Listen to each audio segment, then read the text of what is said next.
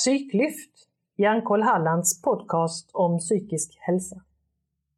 Välkomna tillbaka! Vi fortsätter samtalet där vi slutade i förra avsnittet. Stort problem det var att jag fick aldrig frågan. Mm. Jag, jag hade alltid svaren och jag hade så många bra idéer.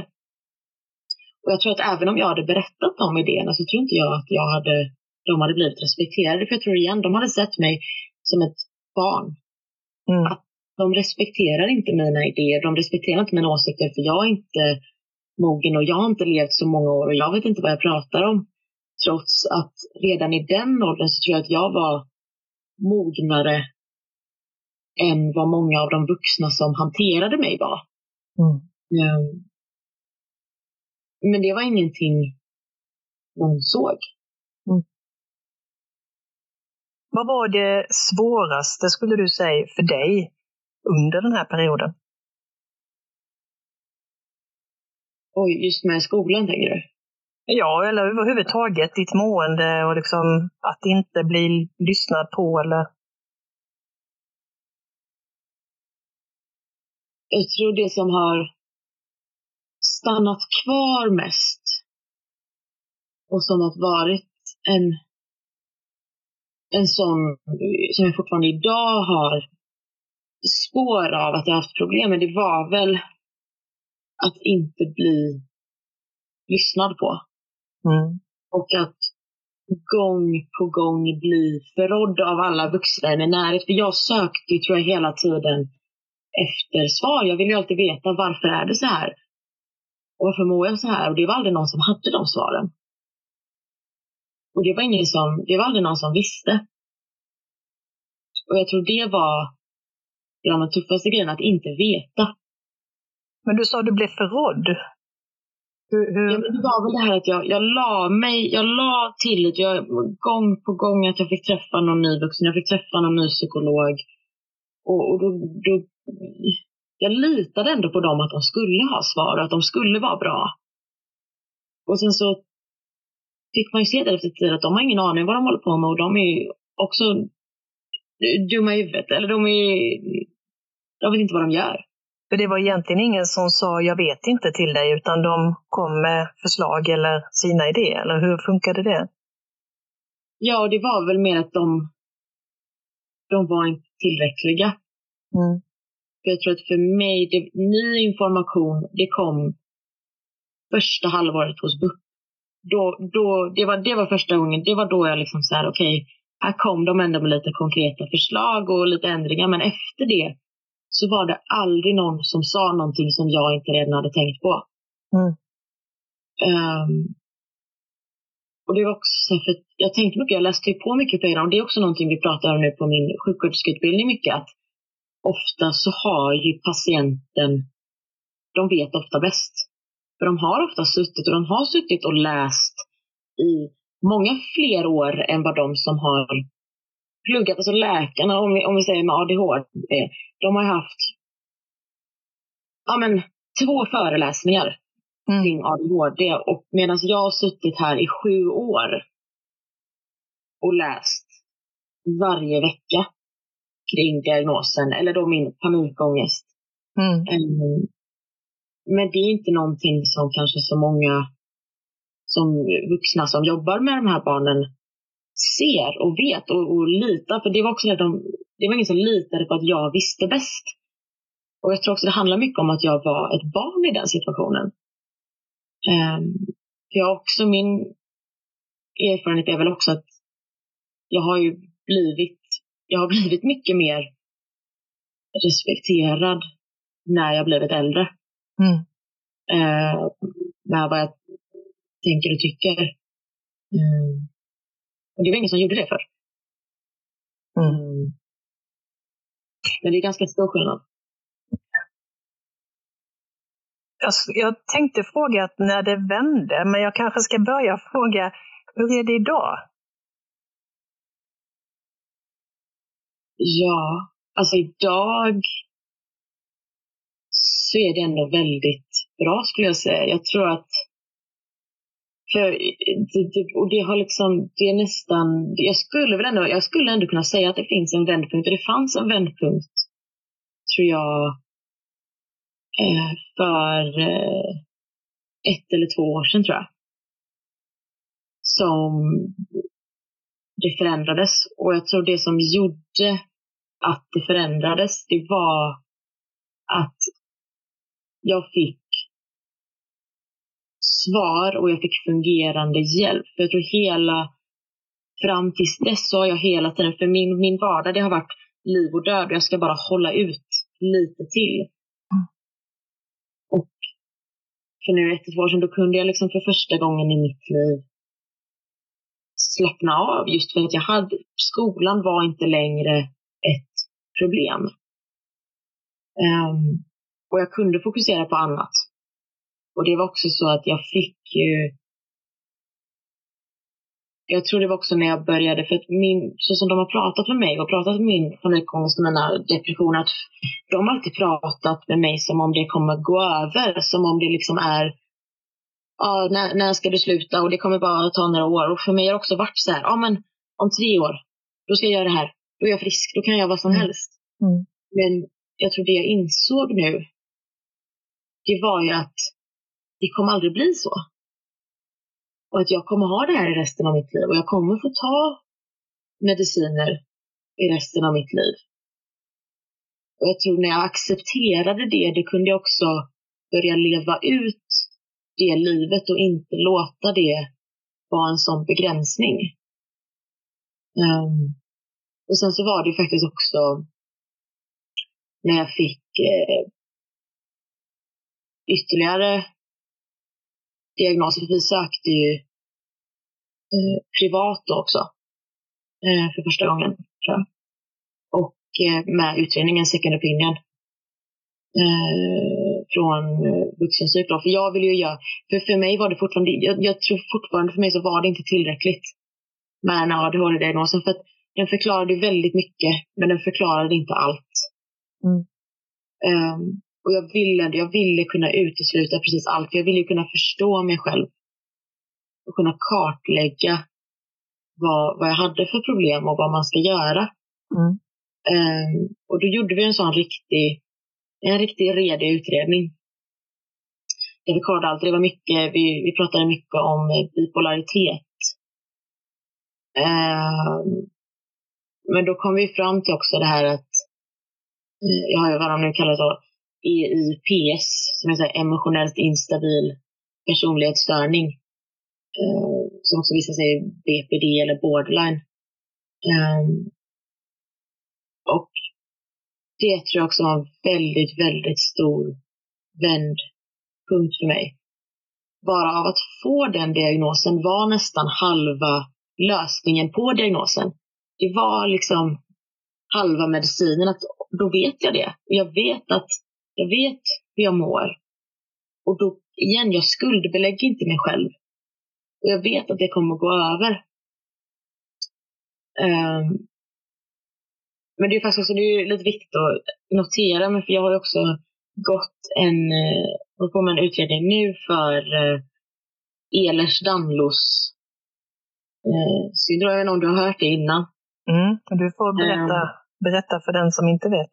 Ja, för det är ju det är ju egentligen då rent medicinskt så är det ju att man har all bindväv i kroppen är otillräcklig. Det finns för lite kollagen i all bindväv. Eh, och det är ju liksom en genetisk, en, en genetisk eh, störning. Liksom. Och kroppen består ju av väldigt mycket bindväv. Så. Precis, för det här är också, det är inte bara leder Eh, Eh, utan det är alla organ, och det vet jag nu också när jag haft anatomi och fysiologi, det är alla organ i kroppen har bindväv och hela vårt nervsystem har bindväv. Så det här påverkar ju i princip alla organ i kroppen. Och, och den här då sjukdomen, det är egentligen en grupp av 13 sjukdomar. Det är lite så eh, rörigt. Eh, men den, just eftersom det, det påverkar nästan alla organ så har den en extremt bred sjukdomsbild. Um, och det är väldigt, väldigt olika. Och det är, där är det verkligen ett spektrum. Och igen, det här, det är inte det här linjespektrumet, utan det är det här cirkulära spektrumet. Uh, att vissa har mer av någonting, vissa har mer av något annat.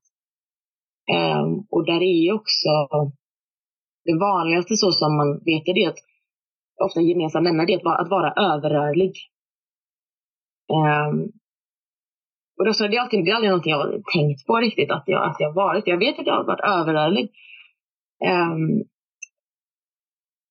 men det var ju faktiskt, det var, jag var som kiropraktor för jag har alltid haft väldigt mycket problem med nacke. var som kiropraktor. Uh, och han bara, efter fem minuter, han bara, du har inte, du har inte Ehlers-Danlos. Jag bara, fan är det? Vad gaggar han? Ehm, så började han, han fråga mig om det här för att han har väldigt många av hans kunder då som har det. Då började jag själv läsa på och insåg att det här hade ju förklarat precis allt. Alltså allt jag någonsin varit med om. All min ångest, all mina panikattacker. Det är jättehög samsjuklighet med ADHD och eh, autism. Eh, de flesta har jättemycket ångestproblem, de flesta har depression, just för den här hur det påverkar nervsystemet. Eh, och panikångest. Och det här är jag tror, det svaret som jag alltid har letat efter.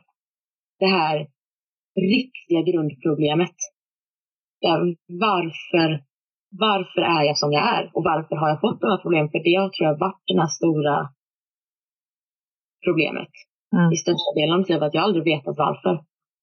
Um, och nu vet jag varför. Och samsjuklighet är ju ett försummat eh, dilemma kan man väl säga för väldigt många. Både med fysiska sjukdomar och med psykiska sjukdomar. Att man, man, man stirrar sig lite blind på den ena, ena delen, mm. men ser inte helheten. Nej, och jag tror man... Det var också någonting jag alltid har varit väldigt, väldigt irriterad på. Att man aldrig... Man har alltid varit så, man har varit så snabb på bollen med att bara ta bort alla symptom och bara hjälpa dem men aldrig tagit reda på vad är en verklig Jag tror det är också ett problem med alltså, svensk kulturen i den svenska sjukvården. Eh, att vi inte tar reda på det riktiga problemet och att vi inte, och att vi inte förstår det här att ofta så ADHD kommer sällan ensamt. Och det, och, och det var någonting, det sa de också när jag var yngre, men det var någonting jag förstod, men, men det är ju så. Samma sak med depression och panikångest, att det finns ju ofta något bakomliggande och något mer.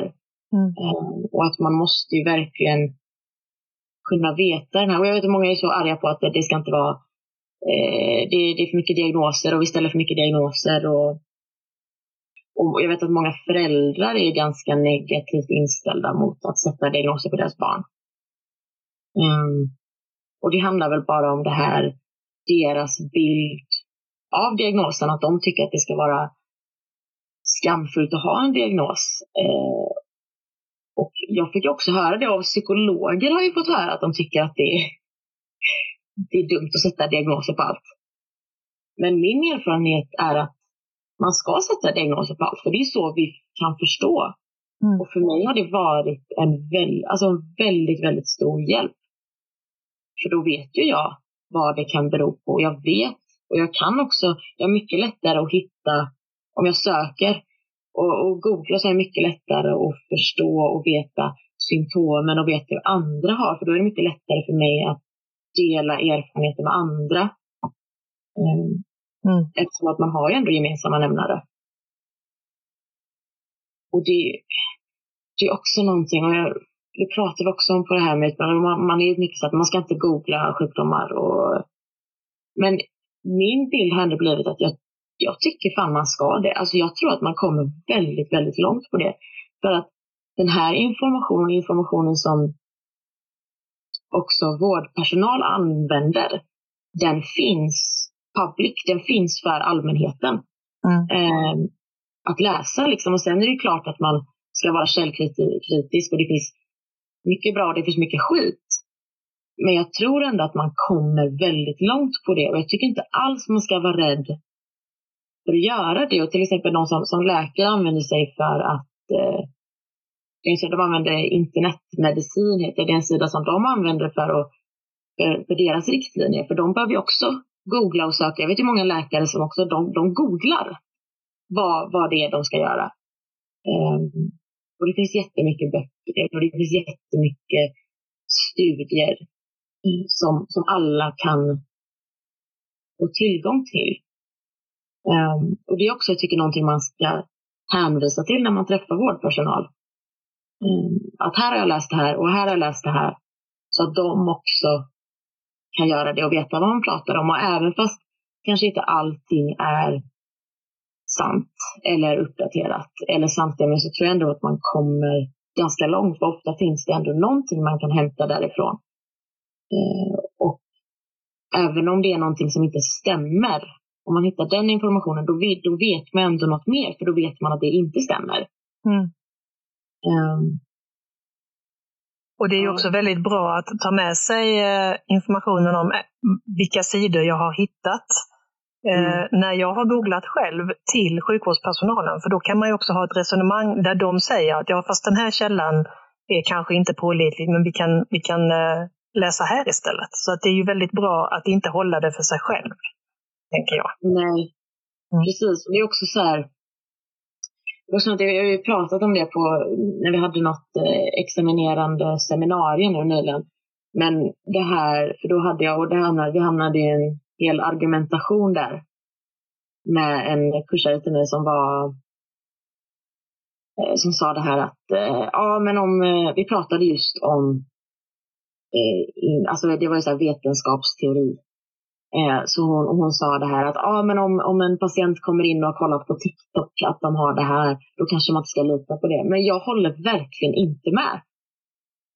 För jag tror att där i högsta grad och i sociala medier i högsta grad kan du få mycket information. Och även om kanske den källan inte är mest pålitlig så kan du ändå spåra tillbaka till vad har de använt sig av och var kommer de ifrån? Och det är också det här med, med, med algoritmen, att man har ju ändå liksom för mig så fort jag fick den här jag började kolla på det här med Ehlers det var ju så jävla kul för jag fick upp hela mitt TikTok-flöde kom med folk som hade Ehlers-Danlos och jag var så här, vad fan, och då fick jag ändå så mycket information från det och kanske inte som jag hade kunnat använda en vetenskaplig text. Men jag kunde ändå använda det för att förstå mig själv.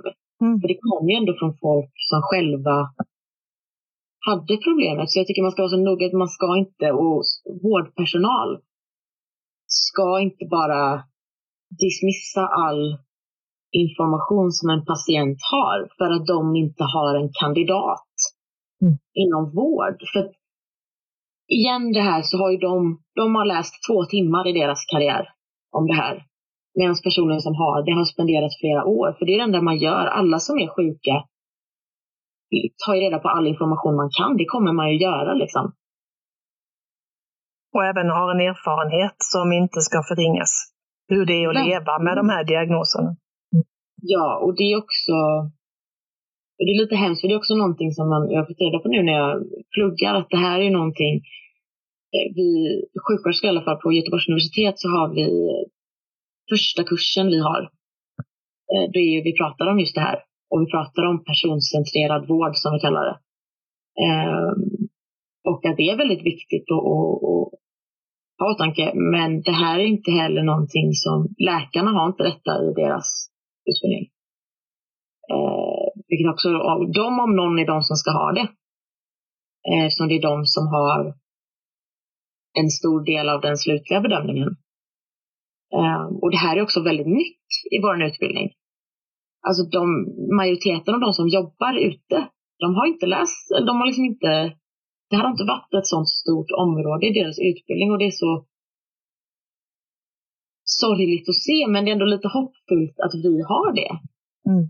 Tänk då om, om 50 år när vi är de äldsta som har varit här eh, och vi ändå har haft det här, vilken annorlunda vård vi kan ge. Och jag ser bara det här på bara de här tio åren hur bilden på panikångest och ADHD har ändrats. Mm. Bara på tio år. Alltså det är, det är brutalt. Jag tror hela psykiatrin är ju ett, ett ämne som är så långt bak vi, det är så nytt. Alltså vi har ju, vi har ju forskat på det här. Alltså, man gjorde lobotomier på 50-talet. Liksom. Det var ju igår rent historiskt. Um, att det här är så otroligt nytt. Jag vet när jag var liten, då visste man inte vad ADHD var. Nej. Alltså man hade inte svar på... Vi visste, vi visste symptombilden, men vi visste inte den här fysiologiska anledningen som vi vet idag. Är problemet liksom, så det kommer nytt hela tiden och det är ändå för mig hoppfullt att jag får komma ihåg det att rent historiskt sett så är det jättenytt. Mm. Och vi, det är så mycket vi inte vet och det blir bättre och bättre väldigt snabbt. Um, och det finns också just med sociala medier, för jag, också, jag hade inte det heller i den åldern och då var det inte heller Alltså det var liksom inte etablerat, det fanns ju liksom inte folk som vloggar eller gör sådana grejer på det sättet då. Men det finns det ju också nu. Um, och jag tror det är också, alltså sociala medier är någonting man verkligen kan ta del av. Så jag tror också det är något väldigt positivt och hjälper väldigt många när man har nätverk med folk som har liknande problem och man kan prata och dela information med varandra. För att all, en person kan inte veta allt, men alla kan veta något. Precis. Och när vi ändå nämner, för det, jag glömde haka tillbaka till det när du pratade om Therese Lindgren eh, i början ja. av vårt samtal, så kan det vara bra att nämna att hon är just en sån här eh, influencer, en social medieperson. Om det var någon som undrade var kom det namnet ifrån, eller vem är det? ja. Jag, jag tycker att det, det, passar väldigt bra att avrunda vårt eh, intressanta samtal här med just eh, hopp. Eh, ja. Alltså so saker som, som känns som att det finns hopp för framtiden och, och det har, mycket har hänt men mycket kan också komma att hända när det gäller kunskap och utveckling och forskning inom det här området. Så jag tycker det känns som eh, ett bra tillfälle att avrunda. Mm. Tusen tack Julia för att du delade med dig så öppenhjärtigt av din eh, berättelse. Tack så jättemycket. Tack själv. Och eh, då avslutar vi podden för idag. Vill ni lyssna på något annat spännande avsnitt eller kanske läsa mer om vad järnkoll är och gör så eh, finns det på Järnkolls hemsida och där poddar finns såklart. Tack för idag. Hej då! Fortsättning följer. Missa inte nästa avsnitt.